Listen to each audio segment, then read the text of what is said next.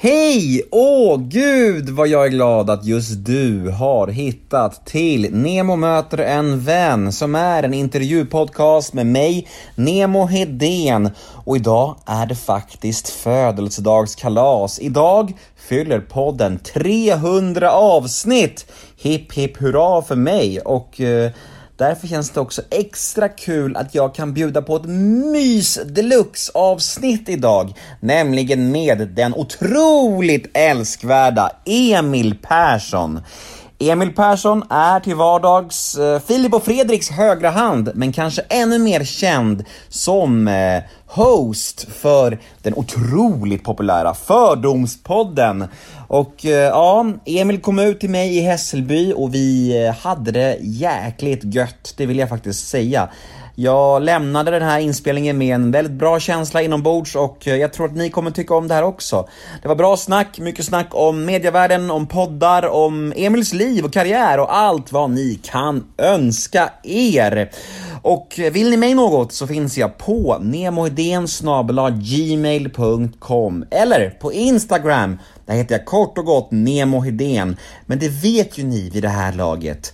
Och den här podden klipps ju precis som vanligt av LL Experience AB som bland annat gör Göteborgspodden som jag rekommenderar varmt.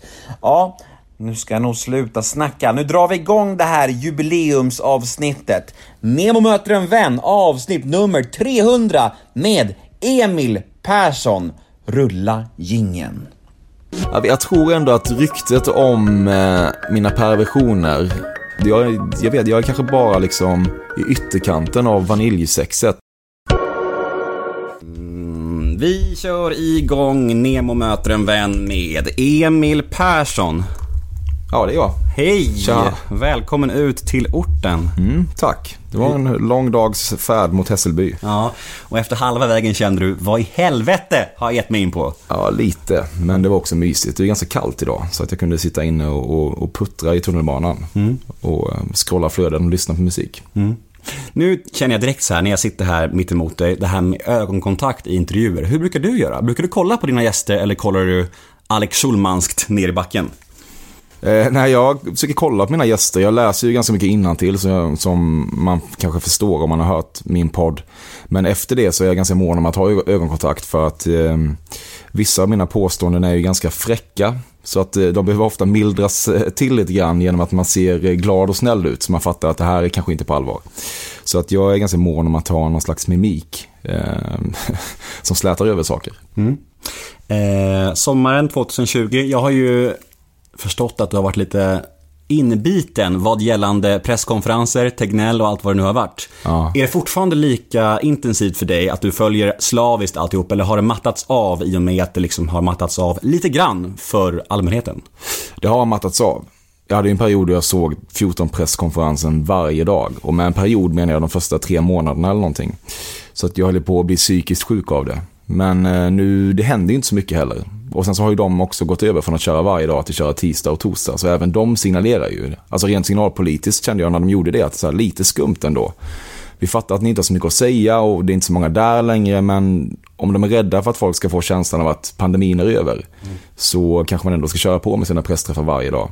Det blir lite motsägelsefullt. Så här, det är inte över, ni måste ta det på allvar, men vi, vi saktar ner. Vi, vi, exakt, vi går på semester. Ja, lite konstigt. Men hur fördriver du dagarna nu under semestern då? Förutom att eh, löpa långa sträckor på dagen och dricka mycket öl på kvällen. Eller fick jag med allt där? Ja, det stämmer väl. Hur vet att jag dricker mycket öl?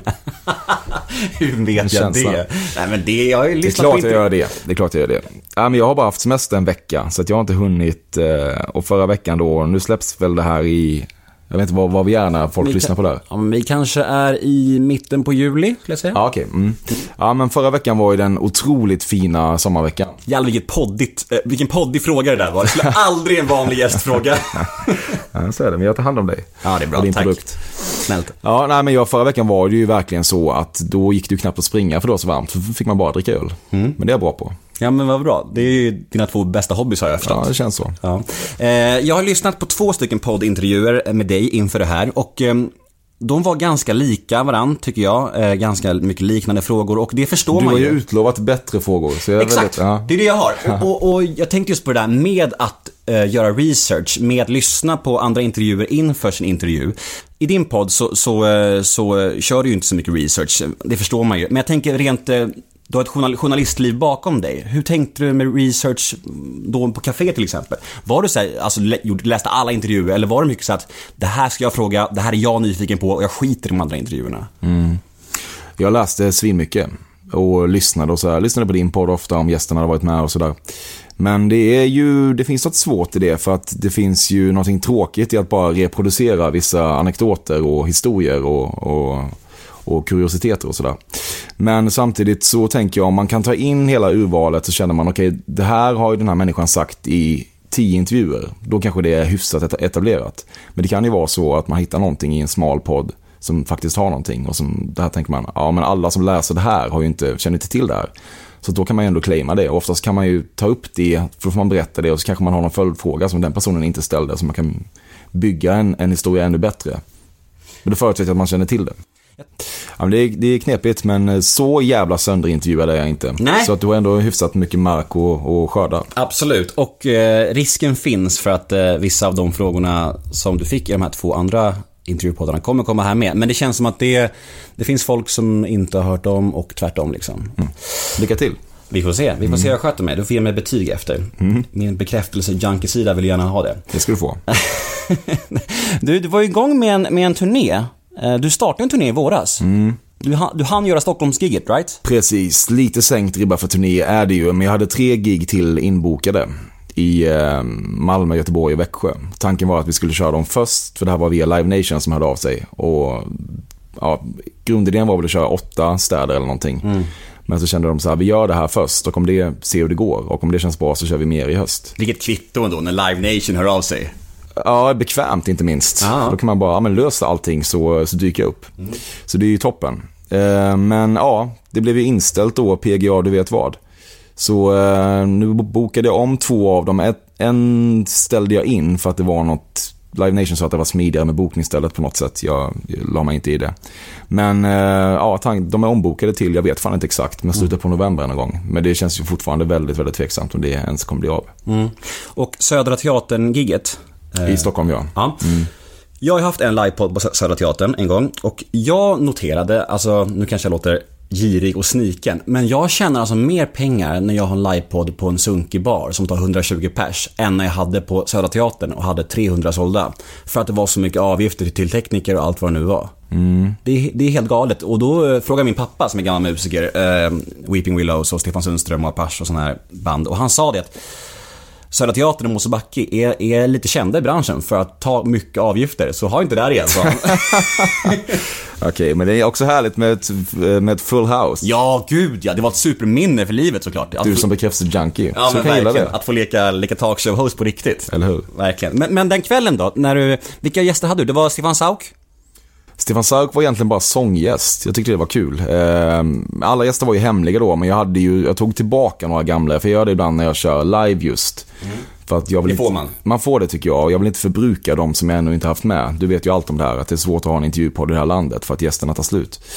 Men då hade jag Soldoktorn som var väldigt rolig i min podd och så hade jag Camilla Kvartoft som också var toppen. Och så mot slutet då så kom eh, Stefan Sauk ut och sjöng hela I can see clearly now som han då gav en liten a cappella-version oombett eh, i min podd. Så att det var härligt. Sen ville han ju då stanna kvar på scen och eh, även slå sig ner. Men då fick jag chasa bort honom och eh, avsluta kvällen. Att du vågade det? Ja, men jag, på, på scenen har jag självförtroende. Men jag känner också att jag har, jag har lärt mig hantera Sauk. Mm. Jag har en fråga kring det där med Sauk. För att eh, jag hade ju Sauk eh, bara en dryg månad innan du hade det. Och eh, det blev en, eh, ja men det blev, eh, Alex och Sigge gjorde ett 30 minuter långt segment om hans medverkan hos mig. För att det var som, det var alltså ska jag försköna det här? Nej men det var ju terror liksom. Jag, jag hade det väldigt svårt och, och jag var helt svettig efter. Alltså det var så jobbigt. Och förvirrande, för att inför den intervjun så hade hans assistent slash fotograf sagt till mig så här. Ja, Stefan är jättepepp på det här. Han är så glad att han äntligen har fått en inbjudan hit. Eh, han är pepp, han kommer här snart tror jag. Och jag bara, det här blir ju mys. Och så kommer han och så bara svängde det om liksom. naivt att tro att det blir mys ändå. Alltså jag gillar Stefan Sauk på jättemånga sätt, men jag har svårt att tänka mig att det någonsin är särskilt mycket mys med honom. Tror du att han är så här på riktigt? Eller tror du att han lägger någon slags värde i att vara lite svår i intervjuer? För mig känns han lite som en person som har tagit sin persona så långt att han kanske inte själv riktigt vet eh, vem han är bortom den längre. Men jag, jag, jag gillar ändå Sauk. Många, många har ju väldigt svårt för honom. Men jag, jag tycker som jag brukar säga ibland att han behövs. Det är roligt med sådana människor i det här landet. Han är ingen uppenbar samhällsfara än. Så då kan man ju ha roligt åt honom och med honom. Mm. Absolut, vi kan väl sätta punkt där kring Sauk och att han behövs. Vi säger så bara. Ja, jag tycker det. det känns ju ändå som att du har omfamnat det här med att bli lite semi-offentlig nu på senare år. Att du ändå, ja, men det, men det, många brukar prata om så här, ja men det är lite jobbigt att bli känd, framförallt i krogmiljöer och så. Men jag, men jag får känslan av att du ändå är en sån som njuter av att vara lite känd i krogmiljöer just. Vad baserar du det på? Nej men jag, jag vet inte. Du kan tycka det är lite nice att få lite uppmärksamhet och lite brudar i krogmiljöer när du är lite full och så här. Har jag helt fel? Nej, jag vet, nej, jag, jag vet inte om jag går runt och aktivt tycker att det är nice, men jag har inga problem med det. Men jag tycker också att det vore, det vore väl ganska förmätet. Eh, det finns ju ingenting värre än människor som ger sig ut i något slags semi-offentlighet och sen gnäller på att det är jobbigt där ute, eller hur? Det är väl det värsta vi har. Och sen tror jag också att det är lite annorlunda, jag vet inte hur du upplever det, men om man är aktiv inom poddvärlden så tycker jag att de som kommer fram är ofta jävligt engagerade och har lyssnat och sådär. Det är ju kanske någonting annat att vara, jag vet inte. Martin Stenmark som är ett känt face. Eh, och sådär, men jag tror inte att jättemånga har en svindjuplodande relation till honom. Men om någon kommer fram till mig så är det ofta folk som har lyssnat på en i flera år och har massa frågor och är, de, det är inte bara att de kommer fram och är brödliga utan oftast har de ju, man, man är intresserad av att höra vad de har att säga. Så det är ju något jävligt härligt med att ha en podd. Just att folk bygger en relation till en. Mm. Så det är ju, och man träffar ju aldrig sina lyssnare annars. Som kanske en musiker som är ute och giggar och gör sådär. Så att det är rätt kul att få ansikten och personligheter på de här människorna tycker jag. Mm. Jag håller helt med. Helt enig. Mm. Nu blir det det här inbördes poddrunken då, men det får det bli. Mm. Det får det verkligen. det är väl inget fel med det, vad fan. Hej då. Eh, vi ska prata lite om din, eh, din podd och jag har ju nu snickrat ihop ett gäng frågor här som du inte fick i de andra två poddarna här. Första frågan kring Fördomspodden lyder så här. Eh, finns det någon gäst som du har blivit kompis med efteråt? Någon som du inte hade en relation till innan? Ja, fan, jag tror att det är... Eh, jag måste tänka, alltså, ofta är det människor man har stött på någon gång eh, som man gör. Och sen kan det ju vara så att det verkligen fördjupas efteråt. Man inser att fan, här finns någonting på riktigt. Markus Krunegård och jag har ju, hade ju många gemensamma vänner, men vi umgicks väl inte aktivt, i alla fall innan han var med i podden. Men så minns jag att efter inspelningen så gick vi och, och drack några öl också. För att Direkt? Han, ja, för att han hade en lucka. Han ville väl vara borta från familjen eller någonting. Han hade sagt att han skulle, det skulle ta längre tid än det tog. Så då tog vi några öl. Men eh, honom älskar jag ju. Men det gör ju många. Han är en underbar person. Eh, alltså, jag, jag kan tänka mig att du gör det också för att du har en så jävla godhjärtad och mysig och snäll framtoning och sådär. Jag tror att mitt format kan också funka på det för att de som gillar att vara med i den tycker nog att det är ganska kul och kan tycka att det är lite ballsy kanske, att man har den där approachen. Så om man fattar grejen så kan man nog, eh, ja men kanske få känslor för att det, ja, vi skulle kunna ha kul även bortom poddmickarna. Mm. Så eh, det, det, kan nog vara en, eh, ja, det är nog en bra isbrytare så att säga, mm. tror jag. Värsta stämningen någonsin. Finns det någon gång där det har blivit rejält stelt och jobbigt på riktigt? Ja, alltså jag har ju aldrig upplevt att någon blivit riktigt lack. Eh, alltså sådär verkligen genuint sur. Men, eh, ja men det är ju Thomas Ledin där jag kände att där luften dallrade inne på, eh, på Grand Hotel. Du tycker att du framstår som lite intressantare om du äter ett äpple samtidigt som du pratar med din bokningsagent. Avdelning krystade frågor. Har du fått till det? Ja, nej, verkligen inte. Nej, nej. Varför inte då? Vad skulle vara intressantare med att jag sitter och äter ett äpple? Jag förstår inte. Men det, det är liksom, det, du är ledig i situationen när du tar ja, ställning till, ska jag, jag sälja ut Borgholms slottsruin okay. i sommar? Orkar okay, jag det? Ja. nej, nej, nej. Ja, men det var, det var, där var det svettigt. Det är inget snack om det. Um, men återigen, så jag vet fan om han blev sur. Jag tror, han kommer inte ihåg, han har ju glömt mig. Jag, jag, jag mötte honom på Brillon ett par veckor efteråt och då var det som att han aldrig hade sett mig förr. Men du hälsade då eller? Ja, jag försökte ge någon slags nick ändå, för det var, då hade vi precis spelat in. Så här dagen Eh. Så, så att antingen, antingen hatar han mig då, men jag, jag tror ändå att det känns bara som att han har gått vidare i livet. Mm. Ja. Ja, eh, vem har varit jobbigast och mest krävande gällande klippningen? Har du haft någon gäst som har bett om att få klippa bort flera grejer, flera fördomar? ja, det har jag ju. Carolina Neurath hade lite synpunkter, men alltså det är, folk ihåg hon är också, det är en väldigt rimlig och, och bra person, men det kan ju verkligen vara så att man känner att att det är svårt att förbereda sig på vad som kommer i min podd. När jag sitter här, jag kan ju tänka i huvudet på väg hit, så, ja, men du kommer nog prata om det här och det här och det här. Men eh, i Fördomspodden så svingar man ju så jävla brett och åt alla håll. Så man kan ju helt plötsligt kan man ju sitta och prata om en, en ungdomsresa till Grekland. För att jag har någon, liksom, någonting åt det hållet. Och så bara så oj, det här har jag aldrig, jag har aldrig tänkt på. Hur skulle jag förhålla mig till det här om den frågan kom upp i en intervju? Så jag fattar också att folk blir lite sådär, vad fan sa jag egentligen? Samtidigt som man såklart vill ge någon slags bra innehåll. Om någon har varit eh, ja, men intresserad nog att bjuda in en. Mm. Men eh, alltså, det har- inte heller varit sådär att någon verkligen har eh, velat ta bort liksom hälften eller sådär. Så, utan det, ja, men jag har varit, det har varit, ändå gått ganska smidigt. Självklart ska man ha det som grundinställning att göra gästen nöjd. Det är viktigast för mig med. Men ibland kan jag känna så här, till exempel, exempel eh, Siw Malmkvist hade jag. Och då pratade hon om hon pratade om sin son som, som hade, ja men han var nykter och drogfri sedan typ 15 år. Och haft, de har haft det ganska tufft i sin relation. Men pratade om att det var fint nu och så här. Och, och efter podden så var hon ganska så här ängslig. För hon hade inte snackat om det tidigare i media. Så hon ringde mig, jag måste ta bort det där, de måste ta bort det där. Då kände jag så här, men vad fan, det var ju så fint snack hur deras relation har blivit idag. Och det kanske kan hjälpa andra oroliga. Liksom så, här. så jag ringde faktiskt Sivs son. För jag, jag, jag luskade upp hans nummer liksom och ringde upp honom. För jag, han var också en i, i tolvstegsvärlden. Så vi hade gemensamma vänner liksom. Och han var mer såhär, ja men shit, det där. Han fick lyssna på det och var såhär, det där är ju, det där är ju svinbra, det måste vara med. Jag snackar med morsan. Så löste det sig. Mm. Jag vet i alla fall exakt vad som funkar, hur man blir omtyckt i Fördomspodden. Det är att vara bjussig, skratta, ha självdistans. Och blir man defensiv och vägrar att svara på saker och känner sig trängd, vilket man, man kan bli, det är mänskligt, men då kommer det finnas en, en pöbel där ute som hugger och tycker att vad är du för sluten jävel? Eh, som kanske inte förstår att det också är en ganska svår situation. Så då kan man ju tipsa och säga så här, jag fattar verkligen, men det där är inte så farligt och du kommer upplevas som självdistanserad och lite härlig om du bjuder på det. Ehm, Så att det, jag, jag håller med om det. Det går ju att ha en, en dialog om saker. Så vinner alla. Det är verkligen. Har du fått göra om en inspelning någon gång? Alltså kanske tekniska problem eller Nej. någon annan anledning? Aldrig. Nej? Jag är livrädd för det. För att eh, min, min podd går inte riktigt att göra om heller. exakt, exakt. Så men jag är ofta manisk just i, i det där. Dels är jag dålig på teknik själv, så jag kan ofta göra om sådär, om det har gått fem minuter så kan jag stänga av och bara lyssna så att allting låter okej. så här. Jag tar hellre ett onaturligt avbrott än risken för att komma hem och bara så här, min klippare säger det här låter skit.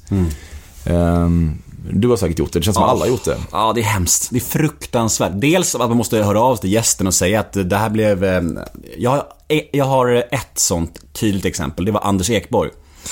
Och, Det känns inte som att han gillar den grejen heller. nej men han var supertrevlig, faktiskt. Du tänker nog på Dan Ekborg då.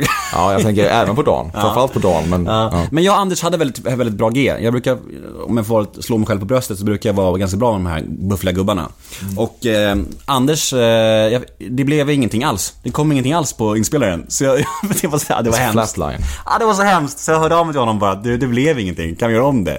Han bara, absolut, det kan vi göra. Men, eh, men det blev ju inget bra. Men eh, som tur var har det bara hänt en gång. Eh, ja, nästa fråga kring podden är, har du fått förbud från någon gäst att prata om vissa ämnen? Ja. Men jag, hade någonting om, jag tror det var någonting med Gardell som syftade till, alltså så här, som någonstans röjde var han bor typ. Och det, han får väl mycket hat och sådär, så det fattar jag väl att han inte vill snacka om. Men ja, jag kommer nog inte på något så här svinsmaskigt i det avseendet. Jag hade ju hört från ganska många människor när jag intervjuade Gardell att, att han, kunde, han kunde vara en sån som, som lämnar intervjuer om han inte gillar frågorna.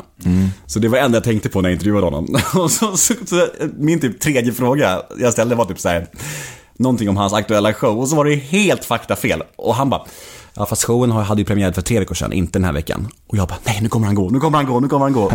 och då sa jag faktiskt till honom, jag sa så här, "Kom, gå inte nu, gå inte nu. Och han bara, nej men jag ska inte gå någonstans. Och jag bara, Ja, men det är, det är en bra taktik det där också, att försöka plantera det. det för jag, hade, jag minns när jag hade just Stefan Sauk, ska inte fastna i honom.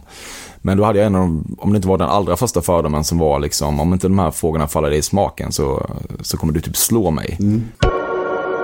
Du kommer att bli lite ilsknare än vad du egentligen behöver bli under den här intervjun. För det är ju bara fun and games. Men oavsett vilket skulle du ju aldrig någonsin slå mig, väl?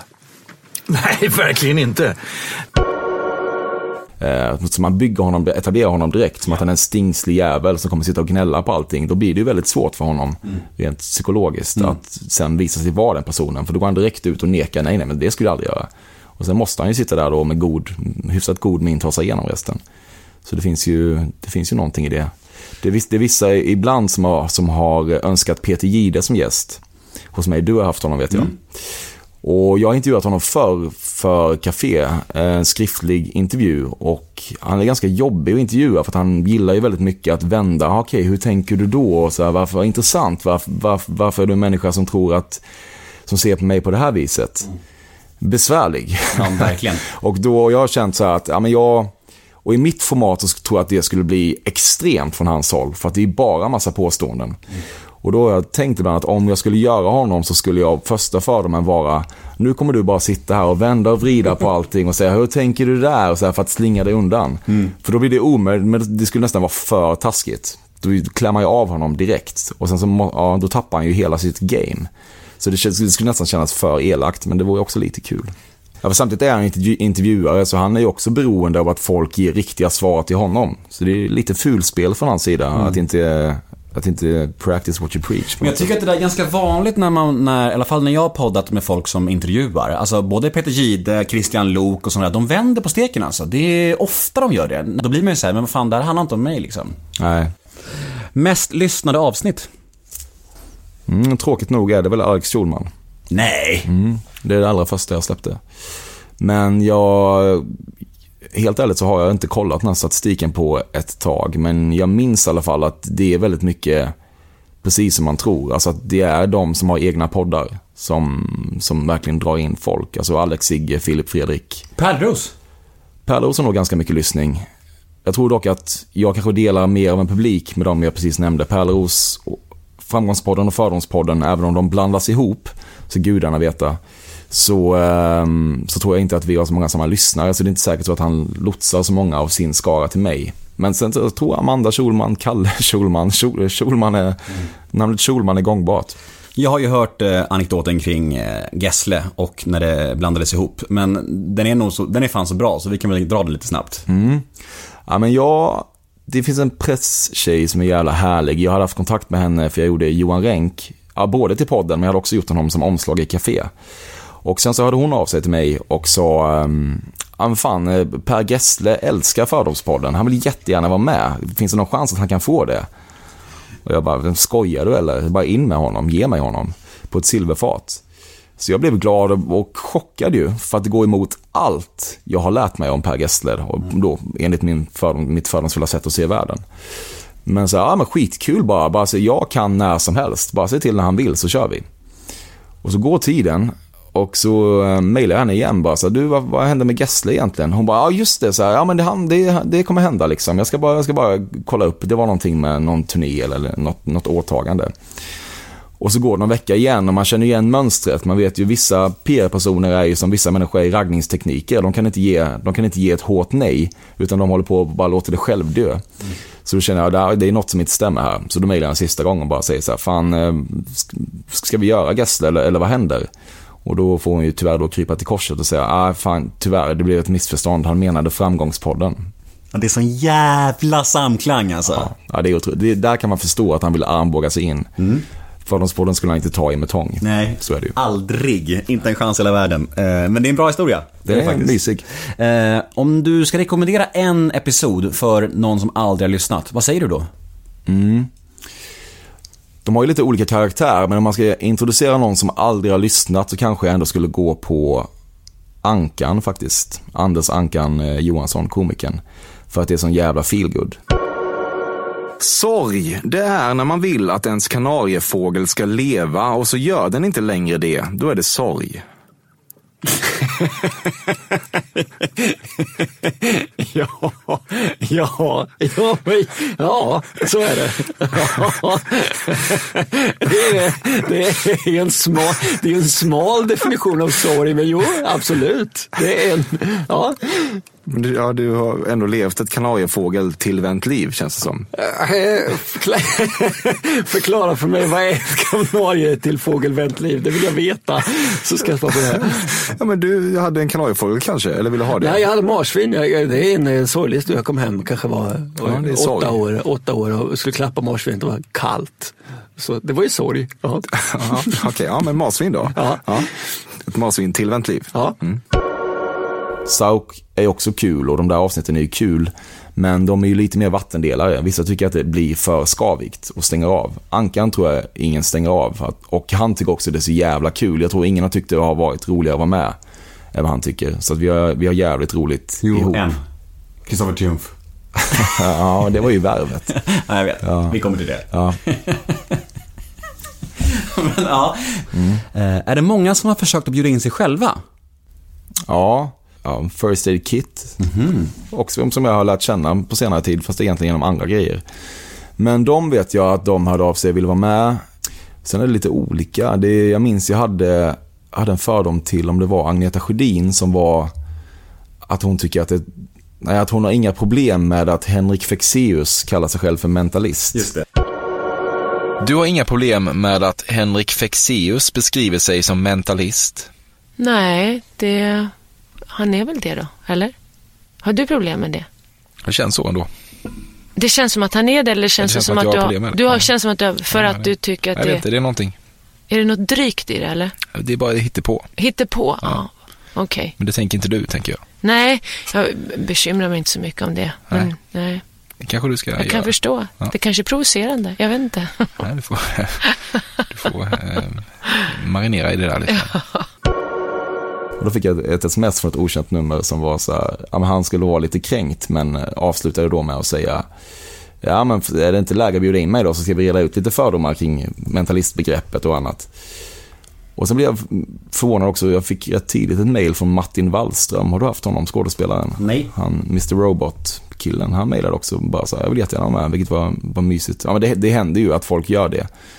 Eh, och det är ju det är egentligen det bästa, man borde ju hugga på alla dem för att då vet de ju exakt vad de ställer upp i och kommer dit taggade.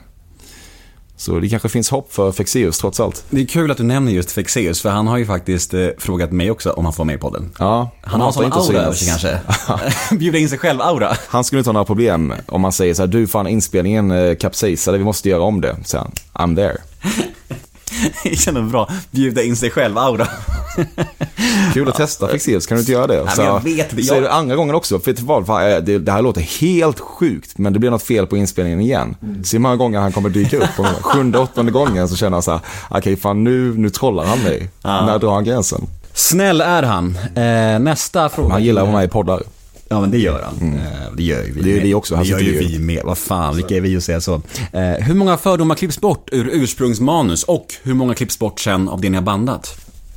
Ja, men det, det, jag stryker inte så mycket av det jag har tänkt säga. Det kan vara någonting om jag tror jag hade med Dr. Alban som jag hade med. Där berättade han ganska tidigt att han var nykterist. Och så hade jag ja, men tre, fyra fördomar till om att han super mycket. Och då här, det blir meningslöst.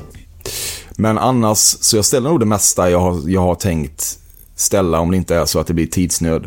Men eh, annars klipper jag bort kanske en, en tredjedel av allting. Jag brukar spela in en timme eller en dryg timme och så blir ju avsnittet 40. Så jag, jag, jag klipper en del. Men man vill i alla fall att allt som är med ska vara åtminstone 3 plus. Och sista frågan kring Fördomspodden. Drömgäster, ge mig fem namn. Åh herregud. Ja, Fem. fem namn ska jag ha. Det är det svåraste jag hört. Ja, Eh, men men, eh, ja, för jag har ju ett namn, för den här frågan har jag alltid fått när man är med. Så att då, och då har jag landat i ett namn, för det är så bekvämt ju. Ehm, jag brukar säga Chris O'Neill. För att det tror jag alla fattar. Dels för att ja, han är perfekt på alla sätt. Man vet inte så jävla mycket vem det är. Man har skitmycket fördomar om honom. Det vore jättekul att se honom, höra honom göra något sånt där.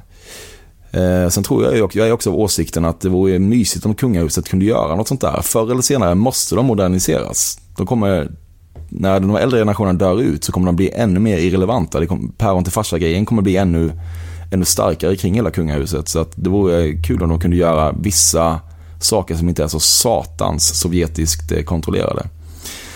Sen har jag haft ganska svårt med eh, kvinnor så att om man ska kanske inte svinspännande namn, men de jag har tjatat mycket på och jag har många gemensamma vänner med Josefin Bornebusch. Så Jerka Johansson och eh, Sverre Gudnason har båda tjatat på henne kanske tio gånger. Men hon, eh, hon vägrar. Så att jag, jag har fått skärmdumpar på från Jerka där, så här, där hon svarar bara, just det, ja, det här kommer det. Det här smset jag får en gång i halvåret om att du ska vara med i Fördomspodden. Så hon har varit bra. Petra Mede, samma sak, tror jag hade varit svinkul. Um, Varför säger hon nej för? jag antar att hon känner att hon inte behöver. Så är det ju med vissa. Hon, det går bra ändå och hon är kanske färdig med att prata om sig själv. Ah, ja, men jag tror inte det. Jag ska göra om henne snart. ja, men då är det väl då är det mitt format. Så Ja, är det ju. Det men stökar ju till det ibland. Men jag upplever ändå henne som ganska full av distans och så här. Så jag tror, men försök igen tycker jag. Ja, men det är Jerka som försöker även där. De, Är det han som jobbar åt dig? Ja, men de, de, gör, de, filmar ju ihop. Ja. Eh, Ja, han jobbar åt mig och inte så framgångsrikt vad det verkar. Nej, så jag borde, inte. borde kanske leja dig istället. Ja, kanske. 3000 på faktura i månaden så löser du några gamla gäster. Gärna. Eh, Men vad fan, det finns ju så många gäster som du har haft som jag inte har fått. Så det ju, och, och sånt, sånt blir man helt knäpp på. Alltså om jag börjar tänka på sånt, vilka som Vilka är de? Nej men vad fan, vi, vem ska vi börja med? Du har väl Maggio, har du inte det? Jo, det hade jag svintidigt. Jag är inte säker på att hon hade gjort det idag. Visst hade du väl Winnerbäck också eller? Nej, Winnerbäck har jag inte haft. Det hade varit toppen.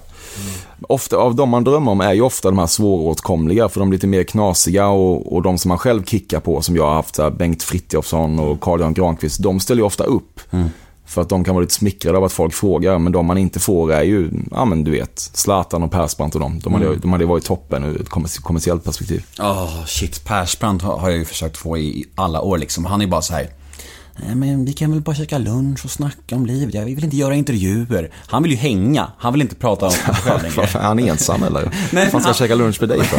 Jag vet inte, han tycker om mig av någon märklig anledning. Ja, men han vill inte kul. göra intervjuer med säger han. Han är, bara, han är, han är klar med det säger han. Ja men ta lunchen, det kan ju liksom leda till ett nästa möte framför eh, poddmickarna. Ja, verkligen.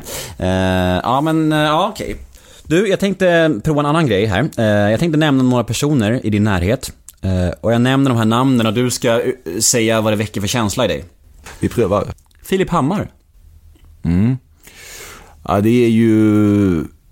Jag vet inte vad som återstår att säga om honom, men det är klart att det är en... Ja, man ska man säga något som folk kanske inte känner till då, bortom så är det att han är otroligt eh, generös. Han är, han är makalös på det sättet. Han, han behandlar sin relativa rikedom på ett sätt som jag, man tänker att ja, det hade jag nog, hoppas jag också gjort om jag hade haft de tillgångarna. Han, jag har aldrig varit ute med honom där han inte har tagit notan. Eh, och då kan det vara liksom sällskap på 20 pers där det bara strömmar in människor han aldrig har träffat. Eh, så han, är- han är otroligt omfamnande och varm på det sättet. Ja, sen så kan han, det kan vara lite struligt med honom ibland kontaktmässigt. Det tror jag folk vet mer. Men vi jobbar ju ihop då. Så att det är ju, han kan vara svår att nå där borta. Ehm, och sådär. Så att det kan ju vara en källa till frustration ibland. Men det är ju, ingår ju i hans helhetspaket. I hans stökiga hjärna som också leder till otroligt många bra saker. Fredrik Söder, Söderholm. Ja, han är ju en, eh, en av de roligaste människor jag någonsin har eh, träffat. Eh, verkligen. Eh, så det är ju, vi har haft så otroligt mycket kul ihop och är lika på ganska många sätt. Sen tror jag att han, han är ju lite, lite mer av en bråkstake än vad jag är. Det tror jag att han skulle skriva under på. Jag är ju mer eh, konflikträdd. Han ogillar ju konflikträdda människor. Men eh, så att det leder väl till att vi kanske inte ser samma på, på alla saker. Liksom. Vad, vad som hör hemma i, i offentliga sammanhang och vad som är mer i trygga rum och så. Men det är ju också i grunden en jävla snäll och empatisk och, och fin person. Alexander Kronlund. Kronlund är otrolig. Jag, Du var där nyligen hörde jag. Han sa det. Ja, precis. Vi, eh, jag var, han har ju ett hus i Mariefred. Ehm, så att jag var där och... ehm, Mysigt. Ja, det var jävla härligt. Eh, vi satt där ute och eh, drack då, som du mycket riktigt pinpointar, tills solen gick upp. Ja, han är ju han är ju en otroligt, eh, en otroligt snäll person också. Och ja, men väldigt driven ju. För det, han är ju, han är bra på att, på att hålla igång kontakter och trådar och sånt där, vilket man ibland behöver för att man ofta, jag kan vara lite slarvig på det själv. Så eh, han, eh, han är toppen. Jag vet, jag vet inte om det finns något negativt att säga om Kronlund. Eh, jag vet inte, jag tror han, han skulle nog säga själv att han, det är ju det är inget problem för mig, men han är, han är väldigt mån om att vara till lags liksom. Och det kanske kan göra att man tar honom lite för givet ibland. På något sätt. För att man vet att han alltid kommer att höra av sig och det är ju jävla pissigt. Men eh, vi har verkligen, eh, vi har hängt med den senaste tiden. Han eh, har otrolig energi. Han är en sån människa som alla gillar. Jag glömde en jacka hos honom nu när jag var ute där förra veckan och då skulle han Ja, han var ändå inne i stan på någonting annat och då skulle han komma förbi och lämna den. Så då tog han omvägen runt Hornstull där vi satt och sådär. Det räcker att han är där nykter i fem minuter i ett gäng av, vi var typ 15 pers. Alla, han går därifrån så säger alla såhär, otroligt trevlig människa. Det är sånt där, det har ju inte jag på samma sätt. Det kan jag avundas med honom. Men det är inte så många som har Nej. den, den energin är otrolig alltså. Ja, verkligen. Och smittsam. Man mår väldigt bra i hans umgänge, så är det ju. Och det är verkligen en fin egenskap. Eh, nästa namn, eh, lite mindre känd men eh, ändå intressant. Bobbe Nordfeldt. Ja, ska vi ge lite bakgrund på honom eller ska vi utgå från att en lyssnare vet Vi kan, exakt vem det han klipper din podd. Ja, det gör han. Och han eh, är ena halvan av den otroligt roliga podden Recensörerna. Eh, Jag tänkte bara inleda med veckans plattaste sägning. Är det okej? Okay? är helt okej. Dileva gästade i Fördomspodden. Han sa någonting så platt som det här. Det är så gott med mat. Men kan man säga något mer generellt än det är så gott? Det är så kallt med is tänkte jag. Vad ska man säga? Också en... Ja, vi jobbar också ihop på Nexiko. Ja, Ehm, så att vi känner ju varandra otroligt väl. Ja, men Bobbe är ju, han är väl någon slags spaningskung. Eh, han, är ju, eh, han är ju helt otrolig på det där. Om man följer honom på Insta och sådär så är det ju, det finns ju... Jag, ja, men jag, jag, jag, jag fattar inte hur han dels hinner med allting. Med två små barn och, och liksom jobb och, och massa poddar som han gör eller klipper och sådär. Och sen så hinner han ju ändå, ja men nu var det en jävla liknelse som jag såg på vägen hit om att, vad heter det nu då? Det heter någonting, de här polarna som inte är nedgrävda i marken utan de som är, det heter övermarkpool eller någonting. Och då är det någon liknelse om att det fanns en bild på en övermarkpool som var lik både en fästing och en glassbår. Jag vet så här, det, det är så jävla snurrigt så att, så att jag fattar inte hur han får ihop det. Eh, det skulle vara kul att gå in i hans hjärna ett tag men också utmattande. Nej, jag tycker han är, jag, jag, det är stora ord nu kanske, men jag tycker han nog är roligast i hela Sverige. Jag, jag, jag tycker han är så jävla rolig alltså. Och, och, och skarp i sin hjärna och så jävla, sådana spaningar som man bara blir helt så här. var kommer allting ifrån liksom? Ja.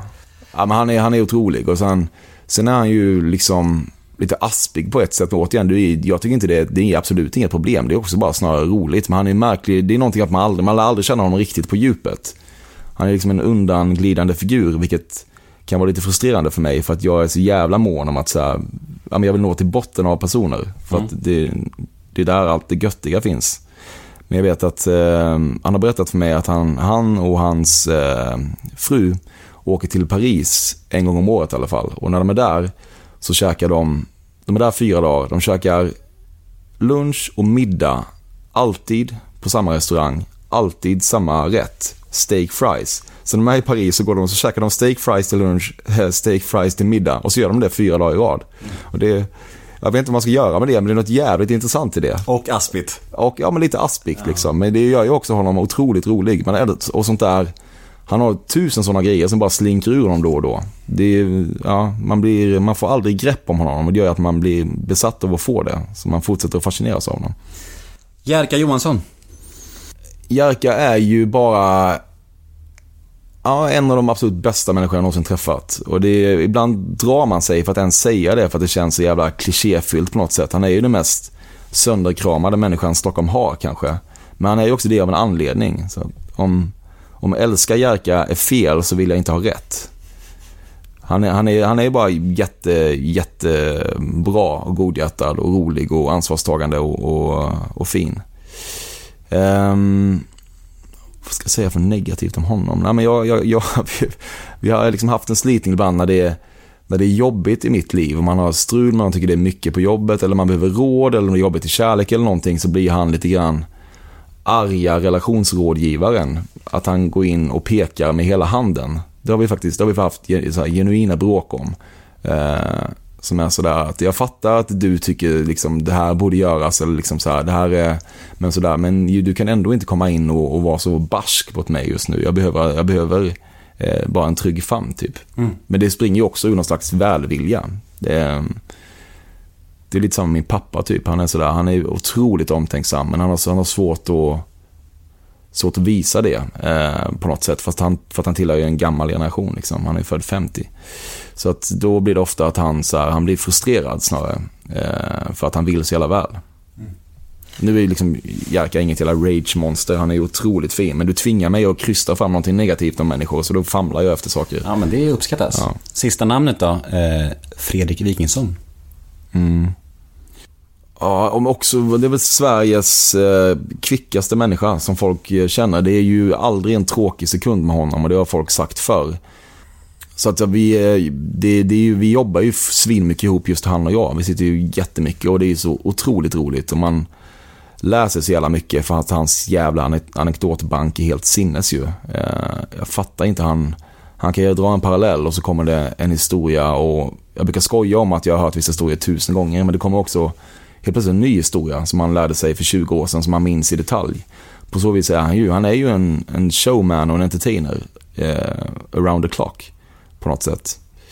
Anna, jag vet inte, jag minns att i början när jag lärde känna honom så tyckte jag också att det var lite, eh, alltså det var lite pressande att man känner att man måste vara så jävla rolig i hans sällskap. Men det är ju mer ens egna komplex än att han att han lägger det på en. Men det är ju någonting med någon som är så jävla rapp och har sånt jävla tempo. Och ska man försöka hinna med i det. Så det var ju, det tog nog lite tid innan jag blev helt bekväm med att hänga på tu hand med honom.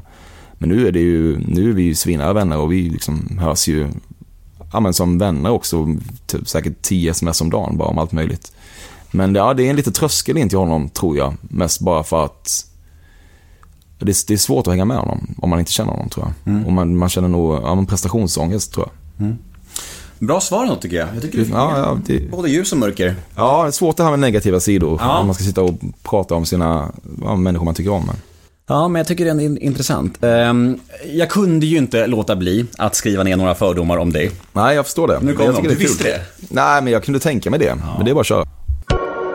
Helt främmande är du inte inför att pudra näsan med det vita guldet vid lite festligare tillfällen, men det skulle du all, för allt i världen aldrig erkänna här hos mig.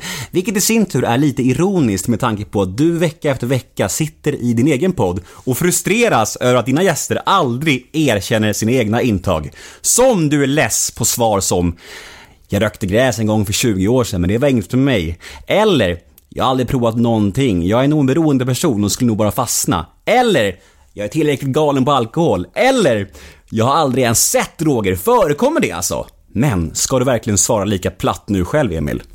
Ja, jag ska ju det. Men hur bra var den? Ja, det var otroligt bra. Ja, men det stämmer ju. Eh, Det finns ju, jag driver ju med det här också, precis som du gjorde nu, så lägger jag ofta in, nu kommer du komma med den här bortförklaringen. Men du, jag är också ledsen, jag är besviken. Jag pudrar inte näsan på det sätt du tror. Okej. Det är så. Ja, jag, kommer, jag kommer inte säga emot dig. Eh, men eh, jag tror att det var Sigge Eklund som svarade, när jag ställde honom någon liknande fråga, så sa han svarade på ett så snyggt sätt så att han än- ändå så här. Han sa, om jag kan få avbryta dig så tror jag, se om vi fick samma svar då. Ja. För han sa en sak i Fördomspodden som också är ganska användbar. Ja. Och då sa han bara så här. Det är, Alexander Bard har ju rätt. Det är, det är inte värt att eh, prata om droger i Sverige. Så, så att jag, jag säger inga, eh, jag säger, det är inte värt att prata om droger. Nej. Så jag kommer inte få något som helst Nej. svar av dig. Tyvärr. Ja. Och då kan man tolka det som man vill. ja. Eh, men jag, jag misstänkte att du skulle svara något sånt och eh, ja, vi får gå vidare. Du ville ha Samir till podden men fick nöja dig med Viktor. Eh, Jag sökte Samir eh, först eh, har gjort det ganska länge och enligt eh, den underbara människan Ellen på Warner så ska det inte vara helt kört än. Men eh, det var inte så att jag tog någon slags sloppy seconds med Viktor. Det handlade mer om att jag träffade Viktor av en slump eh, ute på grund av att vi hade någon gemensam vän som sammanförde oss. Det var inte mitt på dagen på Rish. Jo, har jag sagt det eller? Nej, jag tror att Bobbe berättade det. Ja, okej. ja. Att Viktor gick in mitt på dagen på Rish och drog i sig tre gin och tonics. Ja. Och han var lite orolig för Viktor sa han, Bobbe. ja, men who am I to judge? Vem har, du vem var, du var där också uppenbarligen. Ja, Bob är inte sen på, på vinet, så gudarna Nej, vet det. nej, nej, nej. Nej, precis. Vi, vi träffades där eh, i, i, under lite märkliga omständigheter och så verkade han rätt rolig ändå. Gasad och, och härlig liksom. Så att då, eh, och han bara så här, ja men då också lite sådär, började prata om så här, ja men du gör den och lite grann bjöd in sig själv. Jag tänkte så här, ja men fan det är kul. Man vill ändå ha någon slags dynamik. Jag landar också ganska lätt i, i gubbar. Eh, så att ibland så får jag också mail om det. Ska du inte ha lite yngre människor? Eh, och det borde jag väl. Så att då blev det Viktor. Men det har inte att göra med att Samir tackade nej. Det, var, det, bara, det föll sig så. Men Samir vore ju kul, men jag vet inte, han verkar ju inte alltid må så bra typ. Och gör inte så mycket media. Nej, han har haft sådana här utbränningssymptom och nu, är, nu bor han tror jag, i Linköping med sin tjej och sin farsa typ så här. Ja, så kanske det är. För att han behöver chilla. Din och Fredrik Söderholms relation har blivit avsevärt mycket sämre sedan han blev nykter. Ni har glidit ifrån varandra helt enkelt. Det har absolut ingenting med hans nykterhet att göra. Jag skulle inte säga att vi har glidit ifrån varandra. Däremot har det nog blivit så att vi ses lite mindre. Men det är ju egentligen mest beroende på att han slutade jobba på Nexiko och har så jävla fullt upp med sitt eget liksom. Men vi, vi sågs för bara ett par veckor sedan typ. Och det där var ju, ja men det där stämmer ju liksom inte att det skulle bli sämre för att han är nykter. Han har sannerligen haft långa nyktra perioder, även under den tiden vi har känt varandra. Han har ju verkligen testat sig fram i detta. Ehm, Sen tror jag att det kanske är svårare för honom ibland att, men det får egentligen han prata om, svårare för honom ibland att befinna sig i alla sammanhang och det har vi också pratat om, jag fattar det. Eh, när folk blir så jävla packade, så folk blir framåt midnatt så är det kanske inte så kul att sitta med nykter. Men eh, vi, han är en av mina närmaste vänner i den här stan liksom. Du har länge levt efter devisen att ditt poddformat bara funkar så länge du har gäster som svenska folket har fördomar om. Detta försöker du envist intala dig själv att du fortfarande pysslar med, trots gäster som Karin Magnusson, Amelia Adamo, Josefin Johansson, Camilla Kvartoft etc. Absolut Bara inget... Absolut inget ont om dessa kvinnor. Men det är ju inte direkt folk som folk går runt och har fördomar om. Så du kan ju fortsätta att intala dig detta fastän du egentligen vet innerst inne att du inte kommer lägga ner podden för att det är så pass bra och enkla pengar. Mm, så här, du har nog rätt i att jag behöver inte intala mig det där att alla måste vara så jävla kända för att jag har insett det. Dels har du rätt i att ska man hålla på så länge som jag ändå har gjort så kan inte alla vara A-kändisar om vi ska slarvigt kalla vissa människor för det. Men eh, det som är härligt är också att jag trodde dock det länge, men sen så har folk hört av sig mycket till mig och jag fattar att de, ganska många lyssnar varje vecka. Det spelar ingen roll vem gästen är, så att även om de inte har någon koll på personen så tycker de det är kul att få det här personporträttet genom mina fördomar, även om de såklart inte kan relatera till min bild eftersom de själv inte har någon bild av personen. Så att jag behöver inte riktigt tänka så och du har rätt också i att det öppnar ju för en längre fortsättning. Men eh, fan, det är svårt alltså. Jag har gjort 122 avsnitt. Du är uppe i 400 eller någonting. 300 prick. 300. Eh, Men värvet är uppe i 400, så det är så här, eh, jag vet inte fan ändå om mitt format tillåter en sån jävla streak. Och det är enkla och bra pengar. Det kan vi fastslå. Ja, jag vet inte hur enkelt det är. Det kanske, Nej, du, men- du kanske hade, det kanske var svinenkelt för dig att formulera de här tio. Det var Jag fan ändå inte hävda alltså. att det, kräver viss hantverksskicklighet. Det, absolut, det fattade jag själv när jag, Jag gjorde skojar det. bara. Mm, men det, det, Det är ganska enkla pengar. Både och då. Du har en ganska gränslös relation till sex. Det vill säga att det knappt, det knappt finns något som du tycker är för sjukt eller annorlunda inom sex. Vad fan, sex är ju en lust sprungen ur människans innersta väsen och det är fan till för att utforskas. Golden shower till exempel, varför inte? Nej, Golden Shower har jag aldrig ägnat mig åt. Inte en enda gång. Nej, inte en enda gång Nemo. Inte ens hög som ett hus i Berlin. Nej, inte ens då. Nej, okej. Nej. Jag- tror ändå att ryktet om eh, mina perversioner är, om inte betydligt överdrivet, så lite överdrivet i alla fall. Men du har ju rätt så tillvida att jag tycker att sex ändå eh, ska vara en lek. Eh, En lust sprungen ur människans innersta väsen. Ja, men exakt. Eh, Eh, så att jag tycker fan det ska vara högt i tak och man ska kunna hitta på saker så länge det finns obviously samtycke. Men i övrigt, jag vet inte, jag tror att jag, det är inte så, jag är liksom ingen, jag är ingen gruppsexperson, jag går inte på sexklubbar, jag har liksom inte på mig rollspel. Jag, jag vet, jag är kanske bara liksom i ytterkanten av vaniljsexet, alltså du vet, alla, jag gillar väl liksom, ja men att ta ut svängarna där, men det är inte så att jag rör mig i BDSM-land. obscena, eh, nej, eh, territorier. Eller BDSM-land för den delen. Eh, däremot är det såklart kul och så. Och jag vet inte. Men sen tycker jag tycker också att det är jävligt kul att prata om det för att det, det, ingen annan gör det riktigt. Och jag har hittat ett format där det på något vis har accepterats att man kan slänga sig mellan helt, hur sjuka saker som helst. Så att det är ju ändå, jag tror också att folk gillar att lyssna på det. det om inte annat så är det detsamma som med knarkfrågorna tycker jag att det här är kanske mer, det du gör till exempel är ju ett mer eh, traditionellt och uppenbart personporträtt. Men Fördomspodden ger också personporträtt, men kanske på ett annat sätt för att det säger någonting om hur en människa, bara hur man förhåller sig till vissa frågor. Mm. Oavsett om man svarar ärligt eller inte så är det kul att se, okej okay, hur ska du ta dig ur det här då? Och därför gillar jag ändå att peppra på med sexfrågor för att det säger någonting om ja, men människans prydhet eller bjussighet eller eh, generositet. Hur man förhåller sig till det. Det betyder inte nödvändigtvis att jag liksom ligger hemma och har en gagball-orgel som jag plockar fram varje gång jag ska träffa en tjej. Mm. Visst, glad är du för Jerkas skull när han fann kärleken igen. Vad skulle du vara för vän annars? Lisa är fantastisk, men fan vad tråkig han blev plötsligt. Ja, en toffel rent ut sagt. Men det får man väl inte säga i det här jävla landet. Fan, kanske man borde stadga sig och skaffa barn själv så vi kan börja hänga massa igen. Ja. Ja, det, det, är väl liksom alltså, lite sant på ett sätt, men bara av rent egoistiska skäl. För att vi hade... Han kom ju in i mitt liv när han hade sin, sina två singelår. Och då var han ju inte bara tillgänglig utan väldigt eager att hitta på saker. Och det gjorde ju att vår eh, relation kunde accelerera jävligt snabbt. Så det var ju det var en jävla tur. Men samtidigt så stämmer det på ett sätt vore det skönt om jag bara kunde ta heder och ära av honom här.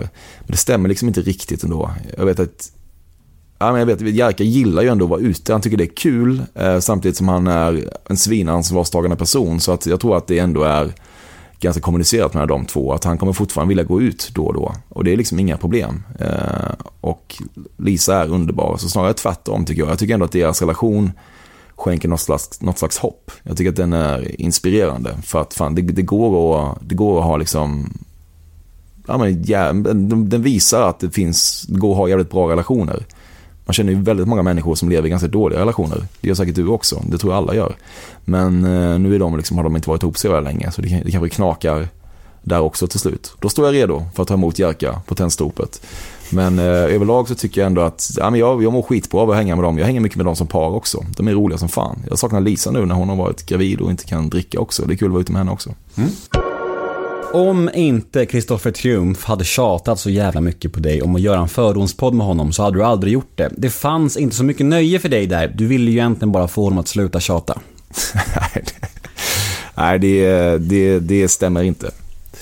Nej, men det är anledningen till att jag inte har, eh, så mycket har han sannolikt inte tjatat, men eh, anledningen till att jag inte gjort det, det har, det har jag sagt säkert till dig och jag tror jag sa det i podden också, att jag, jag, jag tycker liksom att det blir, det kan bli internt. Sen så är det möjligen så att dina lyssnare tycker att det här samtalet är skitgivande eh, om man kanske lyssnar på båda poddarna så, jag vet inte. Och jag hamnar kanske där också en dag, men jag, jag tycker ändå att så här, jag börjar med att ta människor som är kända för annat än för podcaster. Och sen så när jag är uppe i avsnitt 200 så kanske det liksom, då får man tänka om. Och så kommer du säga Pärleros då. Och då säger jag, ja, men han är någonting annat. Mm. Jag var tvungen att göra honom. Han är ett fenomen. Uh, jag tycker i grunden att det och jag och Triumf gör ändå lite för lika liksom. Eh, för att det ska, för att, ja, jag vet inte. Jag, jag tvivlar bara på att det finns ett allmänintresse i det. Jag vet inte. Men eh, det kanske det gör. Men då, i alla fall, han frågade mig om jag ville göra värvet 400 med honom. Och det ställde jag självklart upp på. Det var inte så tjatigt. Dina återkommande fördomar i din podd, dessa mer generella grejer som kommer typ i var tredje avsnitt. Ju svagare gästnamn, desto fler av dem blir det. Right? Ja, det stämmer nog fan. Jag kanske ska säga då för vissa som inte lyssnar på min podd, att jag har ju vissa running gags då, alltså vissa fördomar, alltså du tycker si eller så. Och de envisas sig om att köra på alla ibland. Du har sett bilden på Lenny Kravitz i en för stor scarf. Ja, men det, det stämmer. Det kan nog fan stämma. Jag har inte tänkt på det. Men det är klart att när man har en människa där man inte har, har så mycket att ösa ur så hemfaller man väl till sånt man tycker låter kul och sånt som man vet har funkat förr. Och i bästa fall sånt som ja, men lyssnarna då tycker är lite mysigt när det kommer. Sen är jag fan medveten om att vissa av de här grejerna inte alltid är så jävla kul. Som, eh, som bara jag uppskattar. Du tycker det är lite jobbigt att bli fördomad av mig eftersom jag vet och kan lite för mycket om dig och just nu ångrar du nästan att du ställde upp i den här podden. Nej, det är ju... Du var fan jävligt bra liksom. Och eh, mycket av det jag tänkte skulle komma upp för att nästan inte säga nästan allt, har ju kommit upp.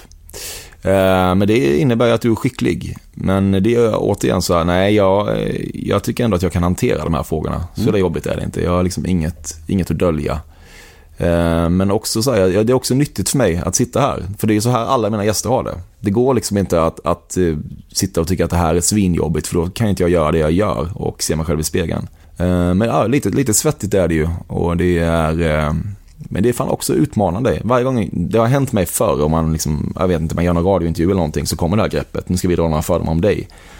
Och det är också, jag, varje gång jag har gjort det så känner jag också sådär, ja men lite glad och stolt för att det är ganska kul. Även om det kan vara svårt så studsar man ju mellan ämnen på ett helt oförutsägbart vis.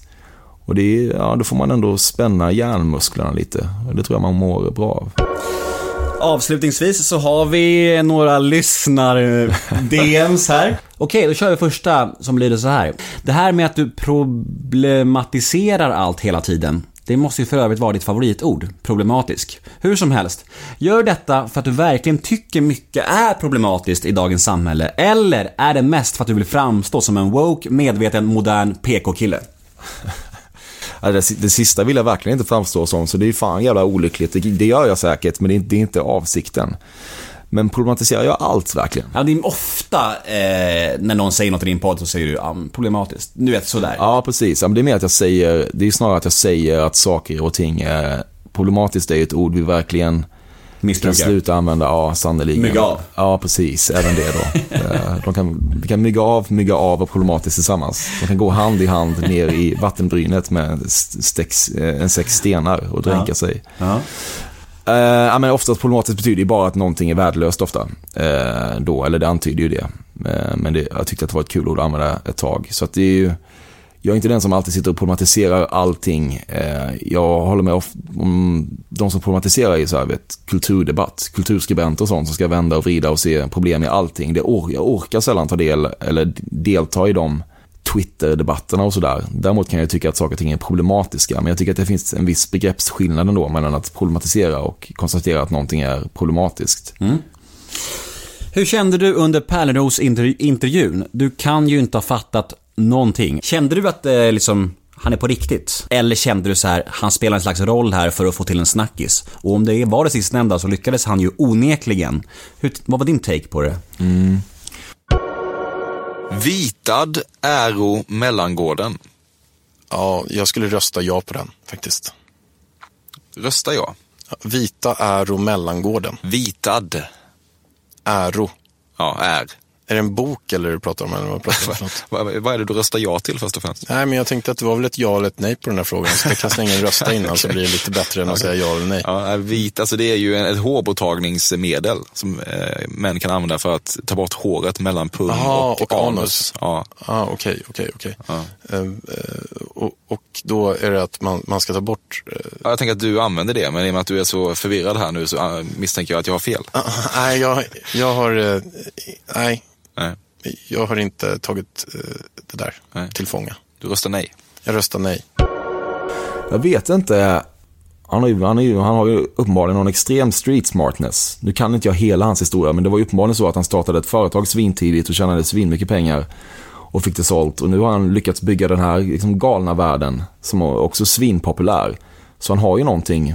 Men om vi ska gå till kärnfrågan ändå kring är han på riktigt eller inte så, så har jag pendlat. Eh, verkligen. Och jag vet inte om jag än idag har kommit fram till någonting. Men jag, jag tror i jag tror i grunden att han, att han är sådär. Sen tror jag att han, precis som många av oss, mm, blir medveten om vad det är i hans personlighet som funkar och, och förstärker de sidorna. Jag, jag vill minnas att han i Fördomspodden sa För jag särskriver konstant hela tiden, vilket gör att många kan bli galna på mig att jag särskriver. Men tänker du inte också att det är del i din framgång då, att du är väldigt eh, mänsklig och icke-elitistisk? Jo, men verkligen. Jag, jag tror väl på att man, eh, att allt sånt gör att man är genuin och att man blir lite så här, blir gillad. Kan det vara så att du särskriver avsiktligt någon gång när du lägger upp det där på Instagram? Ja, men det finns ju vissa gånger som jag eh, märker att eh, det här ordet är eventuellt inte rätt. Du väljer att inte rätta. Du röstar nej till rättning. Ja, de har ju inte...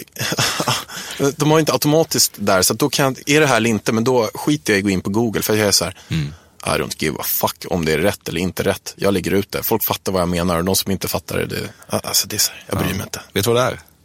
Framgångssärskrivning. Så uppenbarligen så är det så att han är ju väldigt, han är ju speciell på så vis att han älskar framgång, uppenbarligen. Och eh, vill porträttera sig som en sån figur och samtidigt vara en man av folket. Eh, och på något sätt har lyckats med det. Och det kanske är så, det kanske funkar att sitta i en Lexus och skryta om hur, hur bra det har gått för en om man också särskriver. Det kanske är det som är koden. Det är fan fascinerande. Ja, mångfacetterad. Ja. Nästa lyder, vilka poddar lyssnar du på? Eh, frapperande få, eh, faktiskt. Ja, men jag lyssnar mycket på dem jag känner. Jag lyssnar på eh, ja, men Filip och Fredrik ibland och Alex och Sigge och When We Were Kings med Niva tycker jag är toppen. Ehm, och sådär. Det, är en, det, nya som jag kan liksom tipsa om som inte är svinbrett är väl en podd som heter Rewatchables. Som det nu ska göras som slags eh, svensk eh, variant av, av en kompis till mig. Som jag ska gästa här också den här veckan. Så det är, men det är fan, det är inte mycket mer alltså. Jag, det är jävla tråkigt detta kanske, men jag, jag älskar att lyssna på poddar när jag springer. Det är då jag använder det. När man ska åka en kvart med tunnelbanan så blir jag ofta frustrerad av att inte hinna lyssna klart på en podd. Så lyssnar jag på musik eller någonting annat. Och nu har jag haft eh, en skada som gjort att jag inte har kunnat springa, så då, då hamnar jag efter med allting. Då blir det bara öl. Då blir det bara öl. Och perverst sex. Ja, precis. Fick du betalt för Värvet-grejen? Eh, Kristoffer erbjöd sig att betala, men jag sa nej, självklart inte, du är en kompis. Berätta om det sjukaste som hänt under alla säsonger av Alla mot alla och Breaking News. Kanske ett bråk eller liknande. Något som ni var tvungna att klippa bort. Ja, men det är... Alla mot alla är ju en ganska odramatisk produktion. Liksom. Breaking var ju mycket mer, eh, mycket mer eh, konfrontativt och, och provo provokativt på något sätt. Nej, men det, det har ju funnits vissa grejer som har blivit, eh, som det även skrevs som i kvällstidningarna. Det var, jag tror det var någon gång vi skulle ha en, en, en danstävling.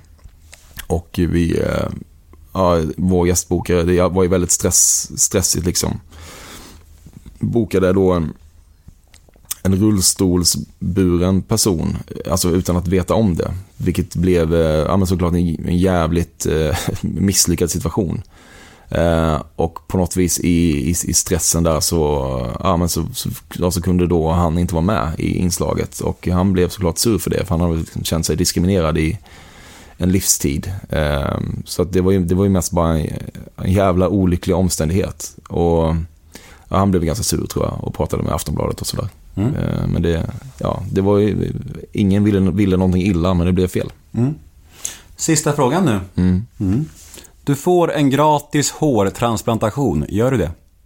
Nej, jag gör inte det. Ehm, och det har ju att göra med, eh, som jag kan ha pratat om i någon av de här andra poddarna du nämnde i början. Att så här, det, var en, det var så jävla jobbigt att vara tunnhårig för mig. Ehm, man blev, jag blev liksom, jag, jag mådde skit. Jag fattade nog inte då att det, hur mycket energi det åt. Liksom.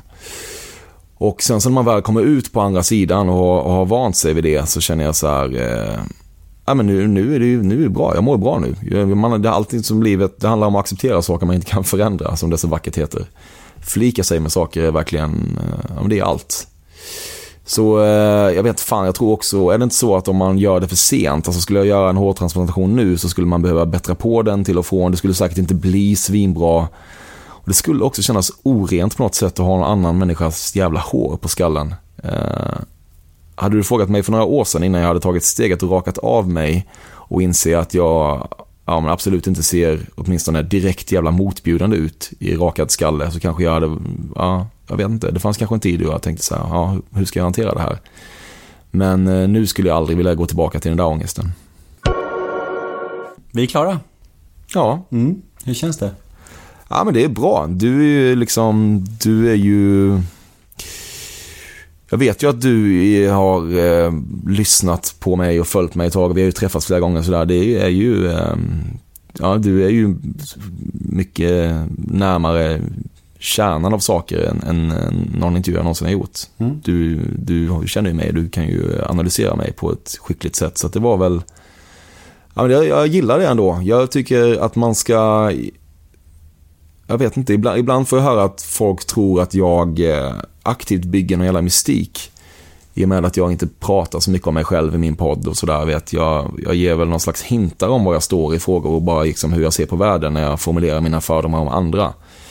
Men jag har inget behov av att bygga någon jävla mystik. Jag tycker att det känns lite gött att vara genom, alltså så här, analyserad och genomskådad på något sätt. Eh, för det, jag vill inte vara så jävla svår som jag tror att vissa människor som inte känner mig kan få för sig att jag är.